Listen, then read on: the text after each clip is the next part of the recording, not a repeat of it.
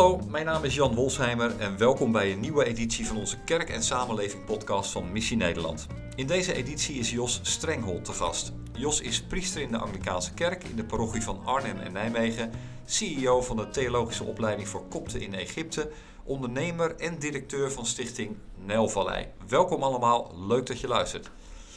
Dag Jos. Dag. Leuk dat je er bent.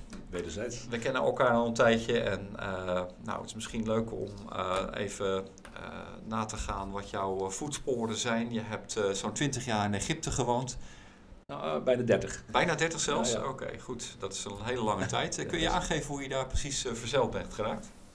Ja, ik ben een evangelische jongen en in de jaren 70 als je tot geloof kwam, dan dacht je dachten heel veel van ons soort direct aan zending en dat soort dingen dat zat gewoon een beetje in de DNA toen van de evangelische.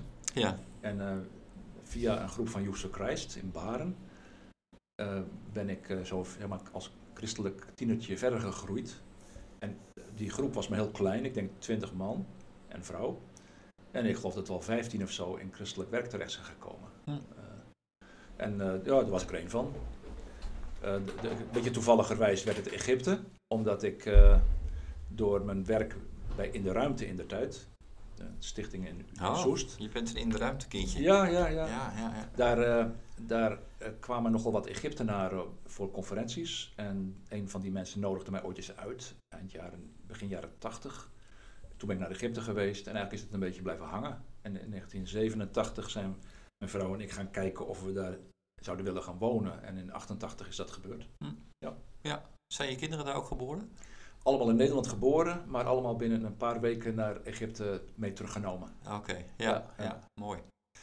En uh, hoe lang ben je nu terug in Nederland? Vier jaar. Vier jaar, ja. En dat bevalt niet altijd, vertelde je met. Het bevalt eigenlijk altijd niet. Kun je uitleggen waarom? Nou, mijn hart ligt toch wel in Egypte. En ik, ben, ik ben daar komen wonen toen ik eind jaren... Ik was nog geen dertig en ik heb daar mijn hele werkzame leven gehad. Ik heb hier nogal wat te doen nu. Maar ik heb daar leren werken en leren mezelf ontwikkelen en geleerd wie ik ben. Hmm. En dat doe je dan ook in een context van zo'n Arabische samenleving. Ja. Waardoor dat aspect van uh, het werk ook een beetje in mijn hele levensstijl zit. En dat geeft wel problemen soms in Nederland. Hmm, wat is er anders? Een beetje te relaxed over dingen misschien. Uh, uh, het is niet zo eenvoudig om, om, aan te geven wat dan precies het andere is. Daar had je ook in, de, in een vrij chaotische samenleving enorm veel vrijheden om dingen te ondernemen. Want, er, want in Nederland zit de hele samenleving zeg maar, dicht, dicht getimmerd met organisatie en alles is geregeld. En als jij een pijntje hebt, dan is er altijd een oplossing. Maar dat is daar niet zo. Hm. Dus je kunt daar op heel veel zeg maar, noden inspringen, dingen beginnen. Ja. En dat heb ik op grote schaal gedaan. En pionieren. Dat, pionieren, ja. ja. En dat is hier gewoon hartstikke moeilijk. Ja, ja. ja. Ja. het is allemaal goed geregeld. En, uh, ja, ja, het is hier echt zo perfect. Ja. En dat, is, dat irriteert me ook weer mateloos. ja, dat snap ik, ja. En op een gegeven moment ben je uh, priester geworden in de Anglikaanse kerk. Ja, uh, dat is toch iets anders dan je in de ruimteachtergrond, vermoed ik? Ja, ja, ja. In de, in, in de context van Egypte ben ik geleidelijk een beetje anders gaan denken over bepaalde dingen. Ja. En dat, dat had twee redenen. Eén was dat ik daar meteen lid werd van een evangelische gemeente, een, een internationale kerk. En er was een aantal dingen wat, waar ik gewoon echt tegen stijgerde. Hm. Waarvan ik dacht, ja, dat klopt gewoon niet hoe je dit hier doet. Praktische dingen. Maar ik was ook in contact gekomen al vanaf het begin dat ik daar woonde met allerlei vrienden en uh, leiderschap uit de Koptisch-Orthodoxe kerk. En het eigenaardige was dat, dat mijn leven daar schokte. Want als je uit Nederland komt als evangelische jongen, dan neem je natuurlijk je hele pakket mee. In de jaren zeventig heb ik het over. Van vooronderstellingen. Hmm. Belangrijke vooronderstelling was: wij evangelische zijn het ware en al het andere is het niet. Precies. Ja. Dat is natuurlijk ook zo, maar goed. uh, vooral, uh, door, vooral een soort anti-katholiek gevoel. Ja. En dan kom je met die kopten in aanraking en die zijn nog erger dan katholieken. Die hebben nog meer heiligen en Hmm. wierook en van alles nog wat. Maar het, het, ja, het moeizame voor mij was dat ik ontdekte dat het mensen waren die wer werkelijk geloofden. Ja. Ze kenden God. Ze, ik kon daar een puntje aan zuigen. Het was niet alleen maar folklore en buitenkant. Het was echt. Ja. En dat was echt problematisch voor me natuurlijk. Want toen moest ik constateren van ja, maar als, als, dat jou, als je dat moet accepteren, dat dit een kerk van Christus is. Ja, dan, nou ja, dan, dan, dan moet je dat dus ook constateren over bijvoorbeeld de katholieke kerk. Hm. Hè, hoe kan je dan daar zo snel een oordeel over hebben? En door mijn werk in Egypte kwam ik in contact met veel eh, koptische leiders, priesters, bisschoppen. Ja, dat eh, vond ik geweldig. Ik, ik had altijd al, ik had vanuit Nederland al een grote interesse meegenomen voor de vroege kerk. En toen ik een keertje Hoe kwam dat? ja, ik, misschien, ja, ik heb geschiedenis gestudeerd, dat scheelde. dat helpt al, Dat ja. helpt. Ja. Eh, maar ook gewoon eh, lezen. Ik, ik was geïnteresseerd in de vroege kerk. Ik moest er ook les over geven bij In de Ruimte. Oh ja? Ja. Eh, en mijn vraag was eigenlijk, is altijd geweest, hoe kan ik nou... eh, eh, Paulus zegt dat we in, alleen met alle heiligen de breedte en de diepte en de liefde van God kunnen kennen. Hm.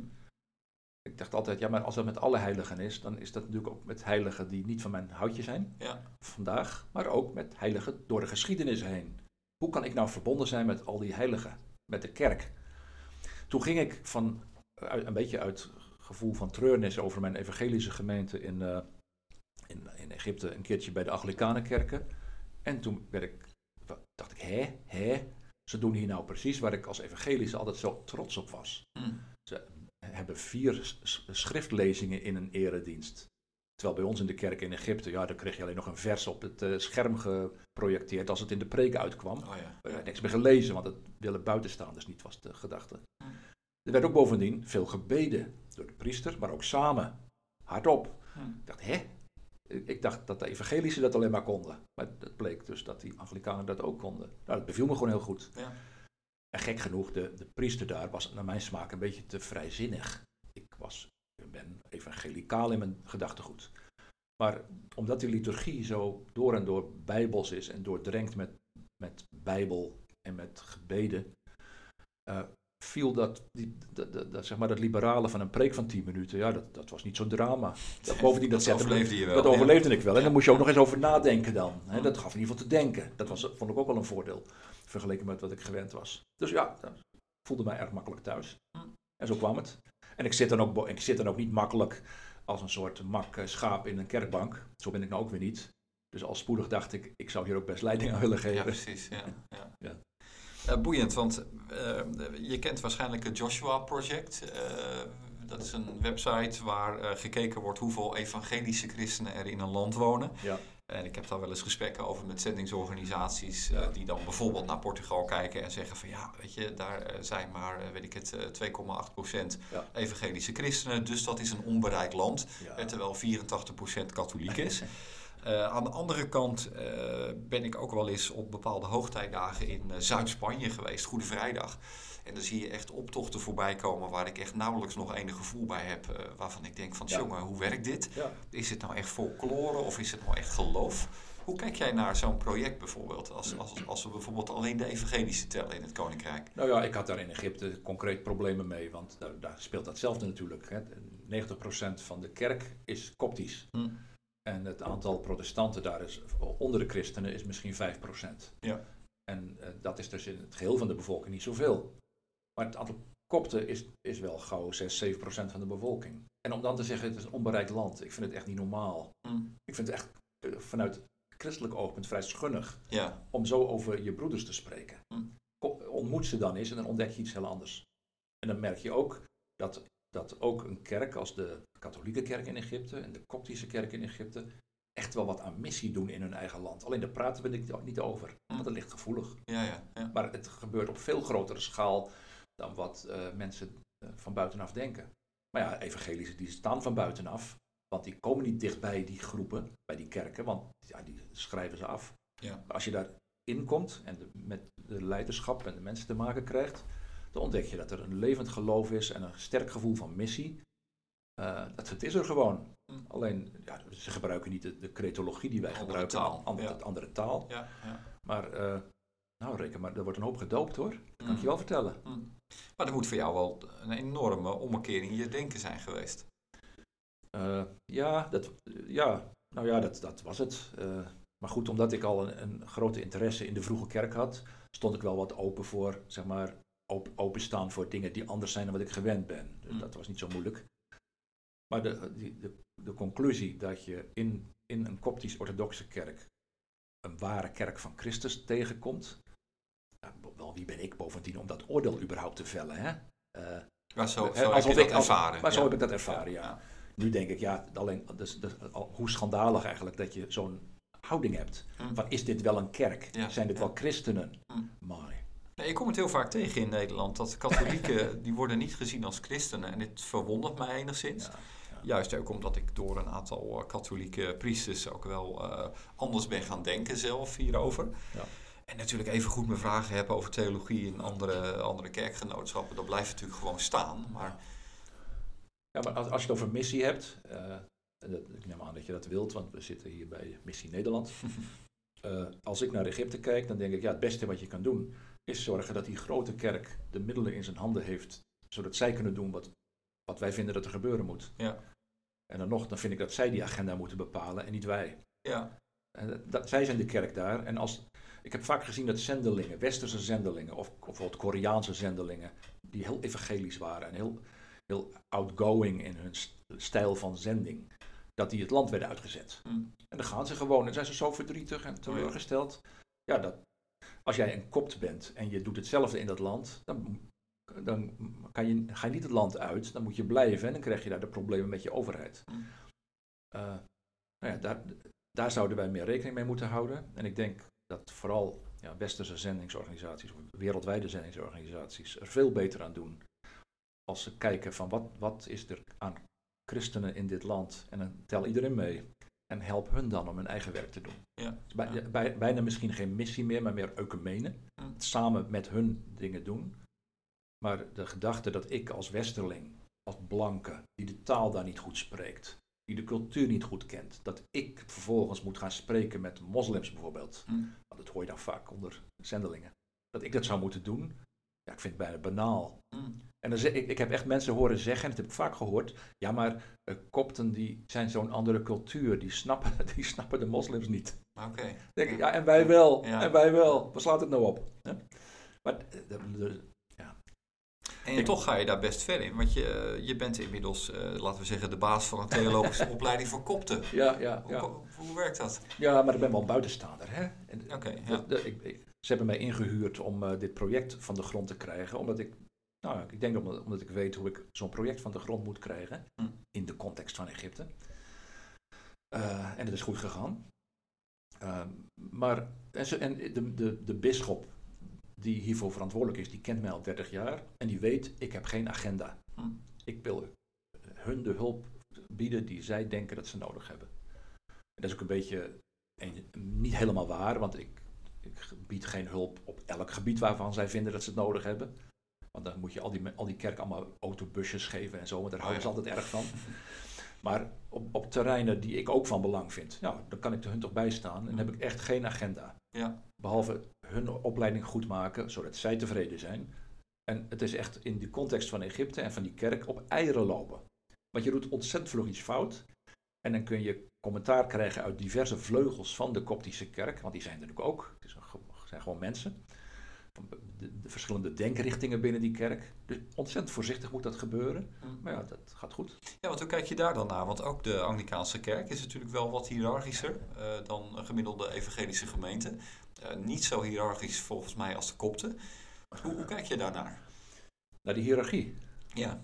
Ja, uh, je kunt beter een strakke hiërarchie hebben waarbij het goed omschreven is, ja, dan een hiërarchie die heel, zeg maar, volgens het charisma verloopt dat kan veel pijnlijker zijn dan als je van tevoren gewoon goed weet wie de baas is. Ja. En daar heb ik helemaal geen moeite mee. Nee. Uh, dan, dan geef ik toe, dan ben ik nog steeds een buitenstaander binnen zo'n koptische context. Je bent gewoon een Hollander. En ik ben geen kopt, dat is, dat is ook nog. Uh, en dan val je niet onder die hiërarchie. Dus er zit een aspect in van vrijwilligheid. En dat voelt dan natuurlijk weer anders dan als je daar gewoon in zit. Ja, ja. Maar uh, ik zou niet weten wat er mis is met hiërarchie. We hebben het, het is er gewoon, of je het wil of niet. Hmm. In, ons, in onze wereld, het zit in onze hele samenleving. Eh, we houden er niet zo meer van tegenwoordig. Nou ja, in Nederland hebben we zelfs een eh, premier die vindt dat je eigenlijk eh, niet te strak leiding moet geven. En die toch zich in allerlei bochten wringt vaak om, om niet te scherp te zijn. Uh, maar dat kan hij daar kennelijk niet van. Natuurlijk, maar dat kan hij zich veroorloven omdat hij de premier is. Ja. Hè? Omdat hij de premier is, kan hij op zijn fiets naar de koning gaan om zijn ontslag in te dienen. Maar hij kan ook in zijn dienstauto gaan. Dat is een keuze die hij maakt. Mhm.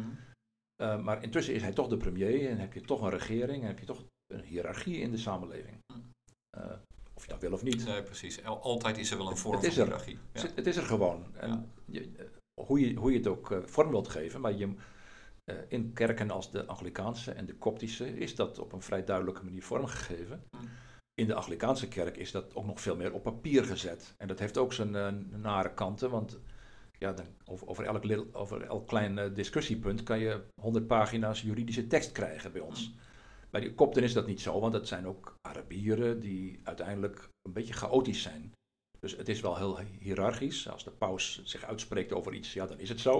Of als een bisschop zich over iets uitspreekt, dan is hij echt de baas. Dan moet je er ook niet over zeuren.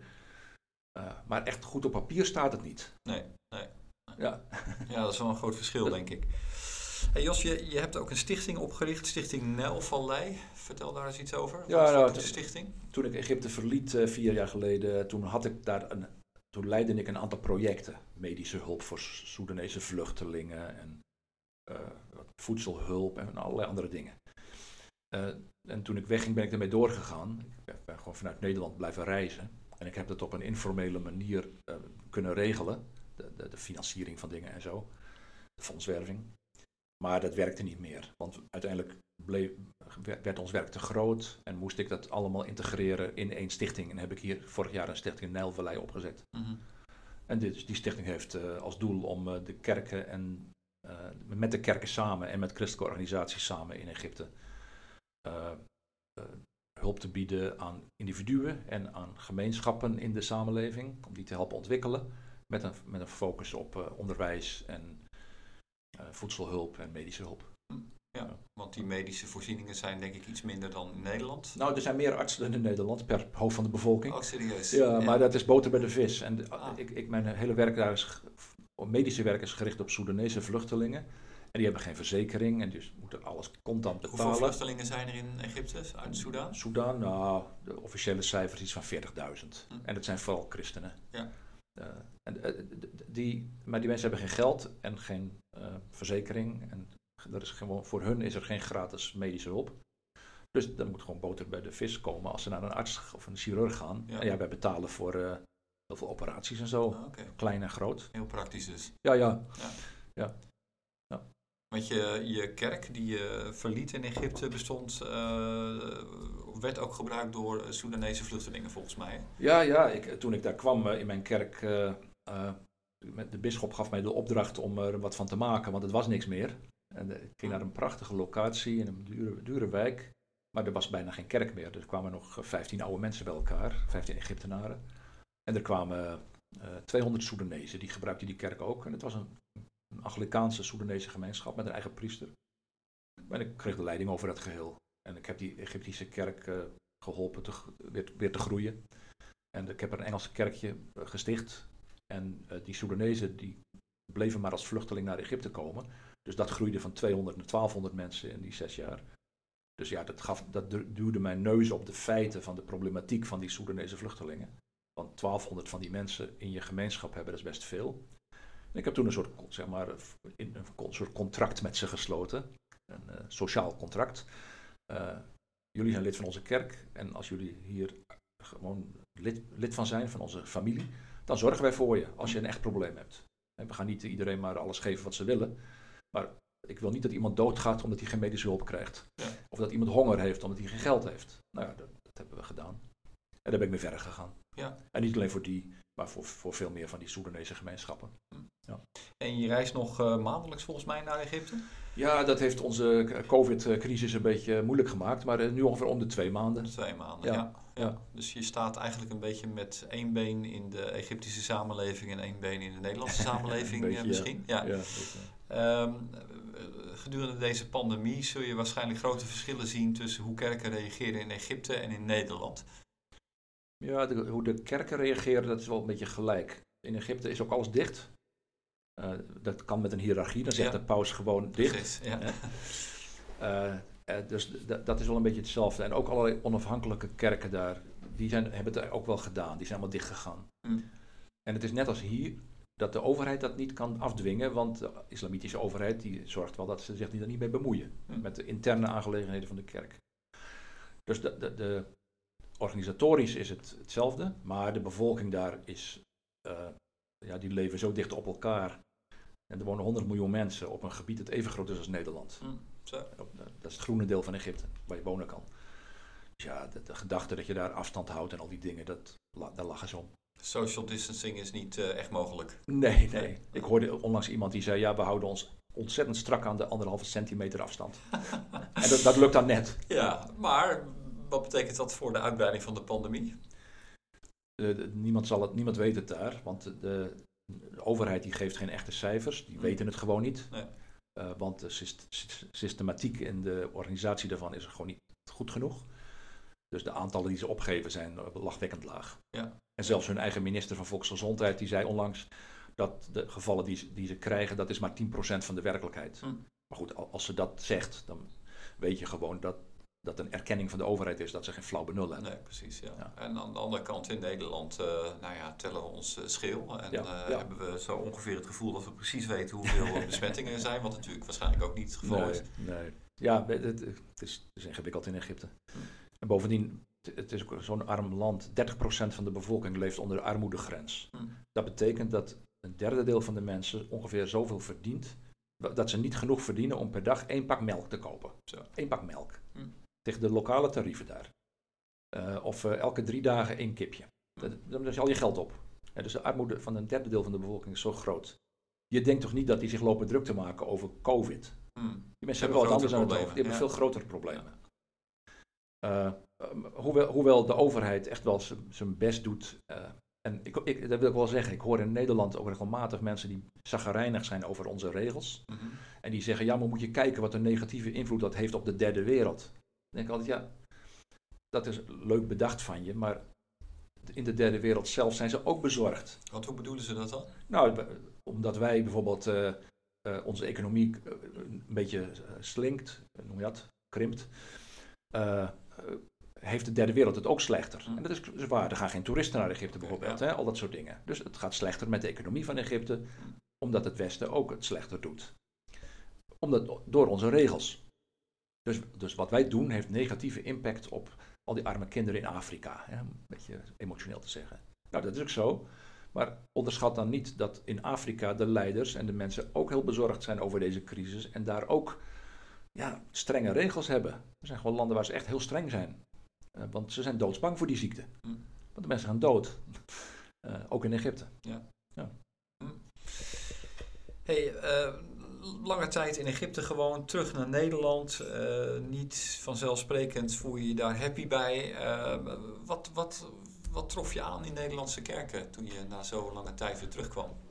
Ja, het was ook niet helemaal dat ik eh, volstrekt onnozel terug naar Nederland kwam. Ik had wel wat contact met kerken, maar Dat is waar, maar toch een vorm van nou, re-entry, denk ik, ja, moet je wel gevoeld hebben. Zeker, zeker. Maar wa- wa- wat ik, wat ik het meest opvallend vind en ook het meest, wat me wel irriteert, is het soort defetisme hier in de kerken. Hm.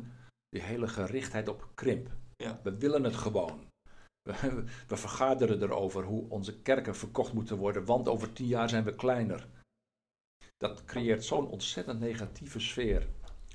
Eh, en wat me ook irriteert, en dat zal wat te maken hebben met mijn eigen grijze haren, is altijd dat, maar, dat, maar, dat gedoe over we moeten ver, verjongen Hm. onze samenleving vergrijst. Mogen er dan alsjeblieft ook meer grijze mensen in de kerk komen? Dat is heel, een heel democratische gedachte, lijkt me. Ja, De, de, en ik, kan me, ik zou me, als ik, nu ik ook wat ouder begin te worden, ik ben nog geen eh, Joe Biden, maar ik word nog ook ouder. Maar nu ik ook ouder begin te worden, ja, kan ik me ook voorstellen dat heel veel oudere mensen ook zaggerijnig worden van dit soort taalgebruik. ja, ja. Waarom, waarom moeten we zo enthousiast doen als er weer eens een jongere in de kerk komt? Waarom niet even enthousiast doen als er weer eens een oudere in de kerk komt? ja, ja. Heel, erg- gewoon eigenaardig. Maar er is een soort fixatie de afgelopen jaren op eh, we moeten jongeren, maar we krijgen ze niet. Ja, kijk eens om je heen, de samenleving vergrijst. Eh, dus ik zou gewoon wat optimistischer zijn als kerk. En misschien, is de, ja, misschien moeten we gewoon een kerk zijn van grijze mensen. Ja, en Ja? Laten, we, laten die jongeren over 20 jaar maar weer naar de kerk komen. Ik herinner me een artikel uit de Volkskrant van, ik denk april, mei dit jaar, vorig jaar, t- 2020, waarin de Volkskrant aangaf van nou, kerkverlating zal met 10 jaar bespoedigd worden als het gevolg van eh, COVID-19. En dan zeg jij, wees maar optimistisch. Nou, het zou kunnen. Maar wie, wie, ik ben niet zo van het voorspellen gewoon. Want de omdat ik geschiedenis gestudeerd heb, eh voor ik theologie deed, maar eh, omdat, omdat ik geschiedenis gestudeerd heb, dan weet je gewoon dat voorspellingen bijna, echt no- bijna altijd onzin zijn. Ja, ja. Echt bijna altijd onzin. Dat valt me ook op aan iemand als Stefan Paas, ook geschiedenis Ja. gestudeerd Oh en eh, ja, onder andere en naast theologie volgens mij. En die geeft ook duidelijk aan van ja, weet je, je kunt niet op de hype op dit moment voorspellingen doen. Je moet gewoon over langere tijd kijken wat, wat er gebeurt. Als jij bij de vroege kerk hoorde, hè, in het jaar 100 of zo, had je dan kunnen voorspellen dat 200 jaar later Absoluut de niet, kerken nee. voller zaten? Want Nee. in het jaar 100 waren er misschien heel we- wereldwijd misschien 10.000 of 20.000 christenen. Hm. Dat is niks, gewoon helemaal niks, hè, waardeloos. Een stervend groepje, die ook nog verdrukt werden ook. Veel erger dan COVID. En, en toch is het goed gekomen. Hm. Dus, nou ja, we, we weten gewoon de toekomst niet en we moeten nu doen wat we nu moeten doen. Ja. Ik denk dat En wat zou de kerk moeten doen volgens jou? In plaats Nou. van bezig zijn met vergaderingen over hoe we het gebouw verkopen en hoe we anticiperen op de krimp. Ja, nou ja, de- ik, zou, ik zou ten eerste echt alles eraan doen om, om een aanwezigheid te houden door die kerken, als het even kan, toch open te houden. En dan heb je het over het kerkgebouw. Het gebouw, ja. Ja, ja. Eh, want dat zijn, het zijn een soort iconen van de aanwezigheid van God in de samenleving. Hm. De, de zichtbaarheid ervan is volgens mij echt belangrijk. ja. Eh, en wij, wij zijn ook, en dat is ook een beetje evangelisch of postmodern misschien, om, om al die dingen maar eh, onbelangrijk te vinden, want het gaat over de, over de mensen. Ja, Ja. natuurlijk gaat het over de mensen, maar mensen hebben symbolen nodig. Ja. De zichtbare dingen. En als jij naar een dorp rijdt en je ziet daar een kerktoren, eh, ja, dan zegt dat iets. Maar als je daar geen kerkdienst houdt, zegt het op een gegeven moment niks meer natuurlijk. Dan weten mensen alleen nog maar dat het een, een tapijthal is daar. ja, precies. Of een ja. moskee misschien. Ja. Eh, dus ik, ik vind, hou, dat, hou het open zolang het kan. Eh, wees creatief. Maar ik denk, waar het om de mensen gaat. eh, ik, ik weet niet eens of we zoveel fout doen. Eh, als je ziet wat een impact kerken hebben. Ik zag onlangs een verslag over wat kerken in Rotterdam doen. Waar de waarde, de, gewoon de financiële waarde van de zorg die kerken bieden, ongeveer 350 miljoen Ja, euro is. Denk je, hè? Ja, ja. Die kerken zijn, me- mensen denken, de kerken zijn niet zichtbaar, de mensen denken ze doen niks, maar intussen doen ze hartstikke veel. En dat zie je bij de voedselbanken en je ziet het op allerlei terreinen. Eh, de opvang van vluchtelingen. Eh, er zijn allerlei terreinen waar de kerk heel zichtbaar is. Tenminste, waar de christenen zichtbaar zijn. Maar de kerk niet zo misschien, want die doet het niet, het gaat niet zo formeel altijd. Maar ik vind dat echt heel mooi. En ik denk dat we er ook een beetje tevreden, trots misschien zelfs op mogen zijn. We spelen echt, kerken spelen echt wel een rol. Ja. Als ik zie wat wij als klein kerkje, als Anglikaan in Arnhem en Nijmegen doen, ja, het stelt allemaal niks voor. Maar we zijn betrokken bij een voedselbank en bij een daklozenproject. En zo doe je allemaal wat. Ja. En zonder, de, zonder die hulp van christenen en kerken zou het gewoon niet gebeuren. Hm.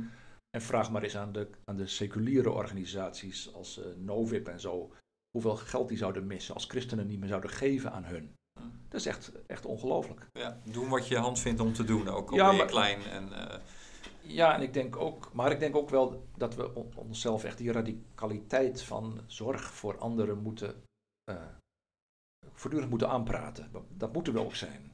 Dat is, dit, dit is wie wij zijn als christenen. Het DNA van God zit in ons op een, of andere manier. Een van jouw collega's schiet me te binnen terwijl je dit zegt, Samuel Wells. Eh, je kent hem waarschijnlijk, eh, ik weet niet of je zijn boek gelezen hebt, het Nazareth Manifesto. Nee, nee. Nazareth moet ik zeggen. Ehm, eh, hij, hij breekt daar een lans om niet langer maar bezig te zijn voor anderen, maar met anderen te zijn. Eh, in plaats van dat je continu maar anderen aan het fixen bent. Hoe, Ja. hoe verhoudt zich dat tot elkaar wat jou betreft? Ik denk dat we, ik denk dat we in de eerste plaats als christenen, als, als kerk, committed moeten zijn echt gewoon aan elkaar. Als gemeenschap als zelf? gemeenschap zelf. Ja. Dan ben je al ongelooflijk anders. En dat is denk ik de eerste, gewoon onze eerste stap. En ik kan, ik kan gewoon niet goed inschatten in hoeverre dit gebeurt in Nederland. Nou ja, ik, ik denk niet zo heel erg. Ik bedoel, eh, het gebeurt natuurlijk wel. Eh, aan de andere kant merk ik ook dat als gevolg van het internet en allerlei invloeden van buitenaf, die lokale community eh, misschien iets minder is dan bijvoorbeeld 30 jaar geleden. Ja, ja, maar tegelijkertijd schreeuwen mensen allemaal over, om, over huidhonger en zo. Mhm. En dat ze behoefte hebben aan die, die persoonlijke relaties. Ja, die, die zijn minder dan 30 jaar geleden, want ook ik, ik eh, schrijf mij een ongeluk op eh, allerlei sociale media. En daar geniet ik van, die, die contacten. Maar je, ja, als, als ik mijn been breek, dan heb ik toch, is het toch fijn als er iemand eh, in staat is om mij te helpen om even die boodschappen te doen. Mhm. En dat klinkt dan heel banaal misschien, maar de wereld is vol met mensen die hun benen Ja, breken en ja. die gewoon af en toe hulp van elkaar nodig hebben. Of die een muurtje geschilderd moeten En die hebben. zorg is er zeker, dat zie ik absoluut. Nou, echt, echt, echt, dat is een, aantrekkelijk aspect van het bij die gemeenschap horen. Eh, en ik, ik denk net zo goed dat we er inderdaad voor, voor anderen moeten zijn. Mijn, gevoel is, we moeten enerzijds vanaf, zeg maar, vanaf de kansel vlijmscherp zeggen wat we geloven, wie we zijn. Maar de, de grenzen van onze kerk moeten heel poreus zijn. Hm. Naar beide kanten toe. Laten we, we bestaan niet voor onszelf. Nee. We, bestaan, we bestaan voor God en God is van de wereld. Eh, dus de gedachte dat je alleen maar een beetje je eigen clubje helpt, is ook, ook eh, helemaal fout. Ja. Hoe- Wat zou de kerk in deze c- corona-periode kunnen doen als het gaat om gemeenschapsvorming? Want daar ligt natuurlijk nog wel een beetje een vraag. Hè? Er ja, zijn geen diensten. Je ja.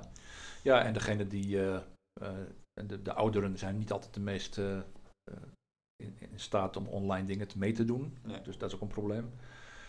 Nou ja, maar je kunt wel persoonlijke bezoeken afleggen als, je dat, als mensen daar behoefte aan hebben. Ik bied dat voortdurend aan. Mhm. Wilt u dat ik dat doe? Eh, er wordt overigens nauwelijks gebruik van gemaakt, want Nee. zoveel behoefte bestaat er ook weer niet. Nee. Maar eh, we, we, we, we kerken kunnen aanbieden dat je bij mensen thuis de avondmaal of eucharistie gaat vieren. Wat houd je tegen? Dat is nee, gewoon, als je het voorzichtig doet, is prima. Eh, op elkaar letten, met, met mensen bellen, van alles nog wat. Mm. Er is heel, heel veel mogelijk.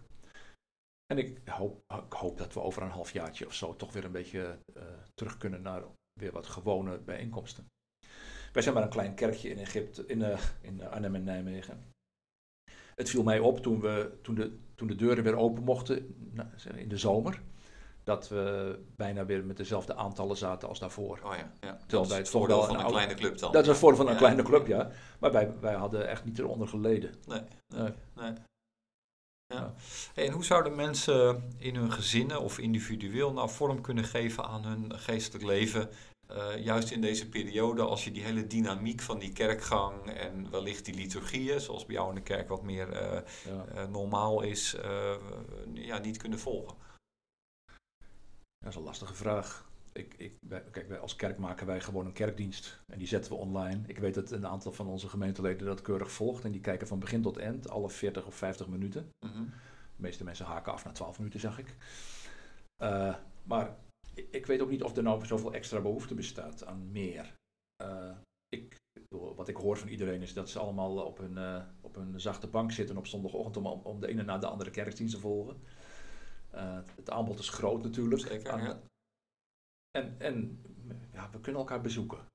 Wie, wie zegt dat dat niet kan? Hm. Je moet een beetje voorzichtig zijn. En eh, nou, met twee mensen kan je, kan je bezocht worden. Elke dag. Elke dag. Hm. De- ik denk dat de meeste ouderen die verdrietig thuis zitten, zich in hun handen zouden wrijven als ze elke dag één bezoeker krijgen. Ja, ja, en dan doe je meer dan wat er voor corona was. zeker. Ja. Dus ja, misschien maken we dit probleem ook wel wat te groot. Ja, ja. ja, want je bent ook een beetje kritisch op het gevoel van onbehagen in de Nederlandse samenleving, eh, zei je in het voorgesprek. Hè? De, kritisch van dat mensen het gevoel hebben van, nou ja, het is, het is verschrikkelijk waar we nu in zitten. En Ja. Het is moeilijk en het is zwaar. Ja, ik denk dat het feit dat iemand ons zegt dat bepaalde dingen niet mogen, dat ons dat veel meer pijn doet dan het feit dat we wat we niet mogen. Want we Hm. mogen nog bijna alles. Ja. Ja. ik mag niet naar de kapper en dat is wel vrij dramatisch intussen. Zeker. Ja, Ik zie het, ja. ja. ja. Maar eh, we, we mogen bijna alles. Waar, waar gaat het nou over? Hè? We zijn gewend dat de overheid, onlangs heeft de overheid de maximumsnelheid verlaagd van 120 naar 100 op de, meeste, op de snelweg. Dus daar, zeg, daar doe je toch niet zo moeilijk over. Ja, dan zeg je even hebba. Hm. En dan probeer je toch 150 aan, zodat je nog net die boete niet krijgt. Maar we zijn zo gewend dat er op allerlei terreinen ons dingen worden ontzegd. En nu is er even dit. Ja. Ja, ik, ik zit er persoonlijk niet mee. Jij nou ben ik eh, een- van nature ook wel wat introvert en vind ik vanuit mijn huiswerken heerlijk. mhm. Ja, het is gewoon mijn probleem niet zo. Ik, Nee. mijn, mijn, mijn grotere probleem is de, dat ik een beetje de routine mis van de kerkgang op zondag. En dat je dan van die vaste ritmes in het bestaan hebt. En dat is even weg. Ja, ja. Maar uh, ja, ik, ik, vraag me echt bij veel mensen af, waar, waar, waar klaag je nou eigenlijk over? Nee, kijk, jonge gezinnen snap ik. Die, die, moeten ja. thuiswerken, die ouders. En die moeten ook nog een keer thuis onderwijs geven. Dat lijkt me echt uh, enorm. Dat is. Ja, ja, ja. dus ik, ik moet, met mijn vrouw en ik moeten regelmatiger dan voorheen uh, voor oppas, opa en oma spelen. Want dan, want dan kan uh, de, de, dochter en echtgenoten kunnen dan uh, werken. Ja, ja. Dus dat, ja, ik snap dat dat lastig is. Maar ik hoor mijn dochter, dat, mijn dochter die kindertjes thuis heeft en die, die op school zitten, of niet op school zitten, die hoor ik ook niet zoveel klagen hoor. Ja, je neemt wat het is. Ja, precies. Ja, je, je veert wat mee met de omstandigheden. Ja, ja dat, is, en dat is een persoonlijke kwestie, hoe, hoe je in het leven staat. Maar ik zit toevallig een beetje meer in het meeveren dan in het uh, uh, tegen, tegenspel ja, bieden. En, en, dat helpt waarschijnlijk enorm dat in helpt, deze Dat helpt periode. enorm, ja, dat, dat is, ja, dat helpt enorm om, te, om mee te gaan met, uh, met de golf van wat er nou gaande is. In plaats van de hele tijd maar zagrijnig over doen. Ja, ja, ja. Hey, nog even terugkomend op die uh, liturgie. De Anglikaanse kerk is erg liturgisch. Uh, in vergelijking met jouw achtergrond als evangelisch jongetje, zeg maar zouden we iets kunnen leren van zo'n liturgisch ritme in deze periode? Uh, maar meebewegen met wat de liturgie als het ware dicteert. Nou, dus ja, als je het wil, als je het wil toepassen op onze coronacrisis, ja, dat, dat scheelt wel, ja. Uh, een beetje liturgie en je levensstijl aanbrengen, dat kan heel erg helpen. De afgelopen twintig dagen of zo hebben we als kerk bijvoorbeeld elke ochtend ochtendgebed gedaan online. En ook uh, de com complinen, de completen in de avond. Ja. Nou, daar werden, werden, mensen wel vrolijk van. Het gebed voor het slapen gaan. Ja, uh, ja, ja, ja. ja. ja gewoon kort uh, tien minuten gebed met elkaar. Ja. En, en daar werden mensen echt uh, enthousiast van. Hm. Gewoon dat je wat ritme hebt. we zijn er nu weer even mee gestopt, want je, je, hoeft niet altijd door te gaan met wat goed gaat. maar ik denk dat dat soort dingen wel heel erg helpen, ja. Ik heb het met tijd en wijlen. Ik, soms dan doe ik maanden er helemaal niks aan aan dat soort dingen. En dan ineens, dan zit ik er helemaal diep in. Dan bid ik vijf keer per dag uh, uh, dit of dat boekje. Oh, ja. ik, heb, uh, ik heb hier ooit in Nederland de, de gebeden van, hoe heet dat? Oh, dat Keltische gebeden. Keltische gebeden. Keltische, gebeden, gebeden.nl van ja. de Northumbria Community. Nou, dat, het loopt als ja. een trein nu. Ja, zeker. Ik, ik ben, ben daar dus, zelf al 15 jaar bij verbonden en ik gebruik het nog steeds dagelijks. Ja, nou, ik, ik niet. Maar ik vond het toen geweldig om dit op te zetten. En, er, en ik heb allerlei andere boek, boek, handboeken waarin dit soort gebeden staan. Ja. Ja, en soms gebruik ik een orthodoxe, uh, en soms een katholiek boekje of een iets online. Maar ik ben niet heel uh, van de plicht van het moet zo, maar het kan bij tijd en wijle heel goed helpen. Hm. En over terugkomend op dat liturgische, evangelische zijn net zo liturgisch. Ze noemen het anders. Ze noemen het gewoon geen liturgie, want dat is taboe. Ja, ja. Maar je begint altijd met dezelfde dingen, je eindigt altijd met dezelfde dingen. Je, je weet precies wanneer de, de zangdienst gaat beginnen. Het is allemaal, allemaal vastgesteld. Hm. Het, ik denk dat het, als je, zodra je een gemeenschap bent die samen iets doet, heb je liturgie. Want anders weet je niet hoe laat je beginnen moet, bijvoorbeeld. Uh, het, de echte vraag is: heb je een goede of een niet goede liturgie? Dat is een verschil, ja. Dat is wat echt een wat verschil. is voor jou het criterium van een goede liturgie? Nou, iets waarover heel goed is nagedacht en wat de, de, de tand destijds heeft doorstaan, bijvoorbeeld. Moet oud zijn. Nou, ja, eigenlijk, het moet, het moet aanhaken bij hoe, al, hoe dingen altijd al gingen en niet te radicaal daartegen ingaan. Hm. Ik vind dat vooral belangrijk. Ik hou niet van revisionisme. Maar gewoon vasthouden aan. Je hoeft niet de teksten te bidden die, die 2000 jaar geleden gebeden werden per Maar dat is se. wel interessant, want, want hoe kijk je dan naar die hele beweging in Nederlandse kerken van mensen die vinden dat het anders moet met kerk zijn? Hè? Ik heb hiervoor een podcast gehad met twee schrijvers die een boek hebben geschreven, Herkerken. En die vinden dat het allemaal anders moet. En die hebben daar eh, nou, best een interessant boek over geschreven. En zijn erg scherp op Nederlandse kerken dat ze alles maar bij het oude willen laten. En niet meeveren met datgene waarom gevraagd wordt in de cultuur. Daar sta je duidelijk anders in dan, denk ik. Ja, ja, daar sta ik anders in. Maar misschien niet eens heel radicaal anders.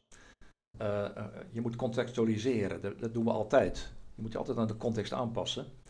En als je contextualiseert, heb je denk ik drie, drie poten daarvoor. Je hebt, zeg maar, je hebt de Bijbel, om even simpel te zeggen. Je hebt de, de cultuur waarin je leeft. En je hebt je kerkgeschiedenis. Mm. Die, die, die, en, je, en je, je verstand gewoon. En ik denk dat het verschil doorgaans is dat mensen erkennen al die aspecten die je moet gebruiken bij contextualiseren. En bij de ene speelt bijvoorbeeld de, de, kerk, de kerk zoals het altijd gedaan is een wat grotere rol dan cultuur. Bij anderen speelt cultuur een wat grotere rol. Ja, ik heb de neiging om meer bij, bij hoe heeft de kerk het altijd gedaan want daar, is, daar proef ik een beetje een aversie tegen. Hè? Van, zoals het altijd gedaan is, is het kennelijk uh, onvoldoende. Of in elk geval past het niet meer, dat gevoel uh, is er. Uh, en dat moet veranderen. Ja. Maar daar zit je dus duidelijk niet in dat gebied. Nee, en ik, ik zie ook, ook wereldwijd organisaties of kerken en organisaties die zich juist aan het oude wilden houden. Hm. Die erg staan te juichen bij het feit dat, kijk, kijk eens hoeveel jongeren het eigenlijk heel mooi vinden hoe wij het altijd doen. En dat is ook zo. Je ziet ook aanwas aan die kant. Zeker, liturgie wordt erg gewaardeerd, structuur. En ik heb me bijvoorbeeld in Nederland verbaasd de afgelopen 20, 30 jaar over de mensen die voortdurend het hadden over we moeten alles anders. Hm. En dan ging het allemaal anders en dan gingen ze experimenteren. En gek genoeg, ze kwamen uit op gewoon oude liturgieën. Ja, Taizé is populair. Ja, precies. Ja. Dus en ik denk dat het echt een mis, miskenning is van de menselijke natuur. Hm. Onze menselijke natuur wat de theorie van de samenleving op dit moment ook zegt, ja. wil niet al die vrijheid. We, we, hebben ook behoefte aan vastigheden, aan uh, een herkenning van, van hoe, zo deed de kerk het vroeger, zo deden mijn ouders het. Wat is er nou mis mee? Hè? Uh, het, bovendien, je moet, ik kijk uit met mensen die boeken schrijven. Dat zijn altijd bepaalde types. Wat voor types zijn dat? Nou, bijvoorbeeld mensen die heel goed hun gedachten kunnen ordenen. Uh, mensen, en die altijd nieuwe dingen moeten hebben. Mhm. Welke boeken schrijf, worden nou geschreven over we moeten het altijd doen zoals het vroeger ging? Dat, dat verkoopt niet. Nee, nee, nee. dus ik, ja. Het nieuwe doet het goed. Het, nieuw, nieuw, is gewoon, het nieuw is altijd beter. En jong, dat is ook kenmerkend voor Nederland. Hè? Dus jonge, nieuwe dingen. Uh, we stellen Matthijs de Licht op op 17-jarige leeftijd in het Nederlands elftal. Uh, maar ouderen. ja, maar als je naar de winkel gaat, dan koop ik liever oude, oud Amsterdam. Dat vind ik lekkerder kaas dan van die jonge kaas. Ja, precies. Ja. Dus oud, oud kan ook goed zijn. Hoe zouden we dat in Nederland nou kunnen, kunnen bijstellen? Hè? Want ik preek wel eens in een kerk in Rotterdam. Dat is een, een kerk waar overwegend ouderen komen. En dat raakt me altijd heel erg. Het is een PKN-kerk, eh, omdat ik weet dat deze mensen elkaar al sinds de jaren 80 van de vorige eeuw vasthouden. Op dat kleine stukje grond in Rotterdam. En ze wonen ook allemaal binnen 2,5 kilometer van die kerk. Heel, heel mooi is dat. En na die kerkdienst komt er dan een jonge pioniersplek. En daar komen overwegend jongeren. Uh, juist ook uh, nou ja, om gewoon eens andere elementen uit te proberen in de dienst en eens te kijken hoe dat gaat. Uh, niemand woont volgens mij binnen een straal van drie kilometer van die kerk. Mensen komen uit Rotterdam en daarbuiten om naar die jonge hippe dienst te gaan. En prachtig hoe ze dat doen hoor, ik wil er helemaal geen commentaar op leveren. Maar ik vind het ook wel een beetje spannend, omdat ik denk van jongens, hier zit zoveel waarde aan wijsheid en aan doorlevingsvermogen. Ja. In het algemeen denk ik dat wij als, uh, wij zijn als Westerlingen ontzettend uh, ongeduldig. We hebben een ongelooflijke drang in ons om dat alles vlug moet. Ja. Alles moet snel. Hm. Als wij vinden dat iets veranderen moet, dan moet het ook nu de gedachte dat, je, dat dat best 40 jaar mag duren. Hmm. Dat, dat, gaat er bij ons niet in dat gewoon. Gaat er niet in. Dat gaat er gewoon niet in. Moet binnen een aantal jaren moet die verandering zichtbaar en, en zijn. ik heb dat bijvoorbeeld in mijn relaties met de Koptische Orthodoxe Kerk heel erg gezien. Die, als er wat veranderen moet, ja, dan hebben ze geen haast gewoon. Hmm. Uh, en ja, ook daar zijn jongeren soms wat ongeduldig. Maar dingen die heel vlug gebeuren moeten, zijn niet noodzakelijk beter. Hmm. En het, mijn ervaring in relaties bijvoorbeeld met de kopten is altijd geweest dat als je dingen je kunt beter wachten en langzaam dingen doen en kijken wanneer je het samen kan doen, dan dat je buiten, buiten hun omgaat. En je dingen maar op je eigen manier doet. En dit, dit vind ik, het voorbeeld wat je noemt van zo'n kerk met grijze mensen en dan, dan komt daarna de jeugd. Ja, dan denk ik, die, die jeugd moet zich afvragen, waar, waarom, kunnen zij niets, waarom is het zo moeilijk om dan met die ouderen wat samen te doen? Is het nou echt zo moeilijk om je wat aan te passen? aan de gebruiken. Oké, het is maar een uurtje in de week, een uurtje. Ja, ja, nee, maar we moeten toch op je eigen manier.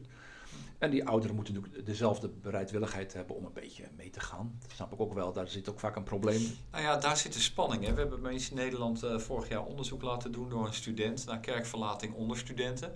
En er blijkt dat uh, nou, best wel veel evangelische studenten ook de kerk verlaten. En niet omdat ze hun geloof verliezen, zoals vroeger misschien het geval was, maar omdat ze vinden dat de kerk niet zo relevant meer is. En dat heeft ook met name te maken rondom uh, de klimaatcrisis. Jongeren maken zich terecht zorgen daarover. Uh, in de kerk gaat het daar niet over, dus uh, nou ja, voelen ze zich minder thuis. ze kunnen moeilijk participeren in de kerk. jongeren die zeg maar maatschappelijk best wel interessante dingen kunnen doen, die kunnen in de kerk niet veel meer dan luisteren en liedjes zingen. Dat vinden ze ingewikkeld. Ja, want Jan Doppie, want stel je voor dat je een uurtje dat moet doen. Hè? Dat is echt heel vervelend. Ja, ik heb er gewoon niet zoveel sympathie voor. Nee. Ik, uh, het krijgt niet relevant. Wie bepaalt dat dan? Als jij twintig bent, bepaal jij dan wat relevant is? Van een kerk die al twintig eeuwen bestaat? Nou ja, je merkt in onze cultuur dat die twintigers bijvoorbeeld ontzettend succesvol kunnen zijn al in het maatschappelijke leven. Dat is echt anders dan volgens mij in, in de cultuur in Egypte. He, daar begin je pas een beetje te bloeien als je voorbij de 40 bent. Nou, dat is bij ons echt anders. Bij ons ben je voorbij de 40 zo'n beetje afgeschreven lijkt het wel. Dat is weer een hele andere, andere problematiek. Uh, en in de kerk uh, missen ze dat een beetje. Dus dan zie je toch nog wel dat de ouderen toch wat meer uh, nog in de, in, in, de leiding van de gemeenschap zitten. En die kijken inderdaad wat kritischer naar die ontwikkelingen. Dus ik begrijp wel dat daar spanning op zit in onze cultuur. Hoe zou je die spanning er nou uit kunnen krijgen? Want inderdaad, al die nieuwe pioniersplekken en nieuwe plekken die ontstaan in wijken, die zijn ook niet altijd per se beter dan die oude kerk. Ja, met elkaar praten en, en ik, ik vind ook, als, als jij vindt dat er iets anders moet, dan moet je toch je echt heel, heel, en het geldt voor iedereen, oud of jong, maar dan moet je toch echt je ontzettend goed afvragen of, of dat wel zo relevant is wat jij vindt. Ja, ik wil zoveel dingen anders en, en so what. Ja. Dat betekent niet dat ik gelijk heb. Uh, dus ik, voor, ik denk toch, klinkt wat uh, simpel, maar toch committed zijn aan elkaar en met elkaar in gesprek blijven. Hm. Maar dat is ook een beetje het probleem in Nederland met kerken. Als, je, als jij in een kerk zit waar je het niet helemaal naar de zin hebt, ja, dan ga je gewoon naar de volgende. Dat is makkelijk. Ja. Want kerk is niet, er is geen, er is geen commitment aan elkaar. Nee. Want je hebt gewoon genoeg keus. Dus, en alleen al de, de keus, die hele smorgasbord van, van kerken, je, elke soort kan je maar krijgen. Nou ja, dan heb je ook bijna het recht om te zeggen: ik vind dat mijn kerk ook moet zijn als die andere. Hm. Ja. Is dat onvolwassen? Nou, misschien een beetje ja. Hm. Ik, ik, wil daar geen, niet al te helder oordeel over hebben. Ik, ik, weet niet of dat een kwestie van onvolwassen is, maar denk, het zit zeker in onze cultuur dat wat, wat, wat wij vandaag willen, daar hebben wij recht op. Precies. Dat moeten we nu hebben. Dat hoor ik je zeggen. En ik hoor je daarin ook zeggen van, nou ja, weet je, wat mijn eigen ervaring ook is, als mensen uiteindelijk een tijdje of niet gehoord worden, of het gaat niet die kant op die zij graag willen als individu, dat ze gemakkelijk dus een kerk van hun smaak kunnen kiezen. Uh, met als gevolg dat zij niet leren om zich te schuren aan die ander en aan te passen aan het collectief. Maar uiteindelijk uh, een soort smaakkerk te kiezen die gewoon bij de smaakpassies op dat moment hebben. En ik, ik, ik heb ook precies hetzelfde gedaan. Ik heb mijn eigen keuzes gemaakt. Het is niet anders. Dus het, het, het, zou vreemd zijn als ik daar een heel zwaar moreel oordeel over heb. Het is simpelweg hoe de samenleving en de kerk zich heeft ontwikkeld in de afgelopen 50 jaar in Nederland. Ja. En misschien moet je zeggen, ja, in, in West-Europa is dat eigenlijk al ontstaan met, met, met Luther. Dit is eigenlijk al een probleem wat begon met, uh, in de tijd van de verlichting en uh, renaissance, waarbij iedereen toch zei, ik moet mijn eigen mening hebben. Hm. En de, wie is de kerk om mij te zeggen wat ik denken moet? Ja. Ja, dat, uh, en dat draai je niet terug natuurlijk. Nee, nee, nee, dat is zo, dat is ingewikkeld. Nou, tot slot Jos, ehm, ben je positief over de toekomst van de kerk in Nederland? Ja, ja. Ik, eigenlijk heb ik daar geen mening over. Uh, dat lijkt me toch sterk. nou, nee, dat, ja, je bedoelt dat ik geen mening heb? Ja? Ja, ja. ja ik heb vrij vaak een, helder, een uitgesproken mening en soms een hele domme.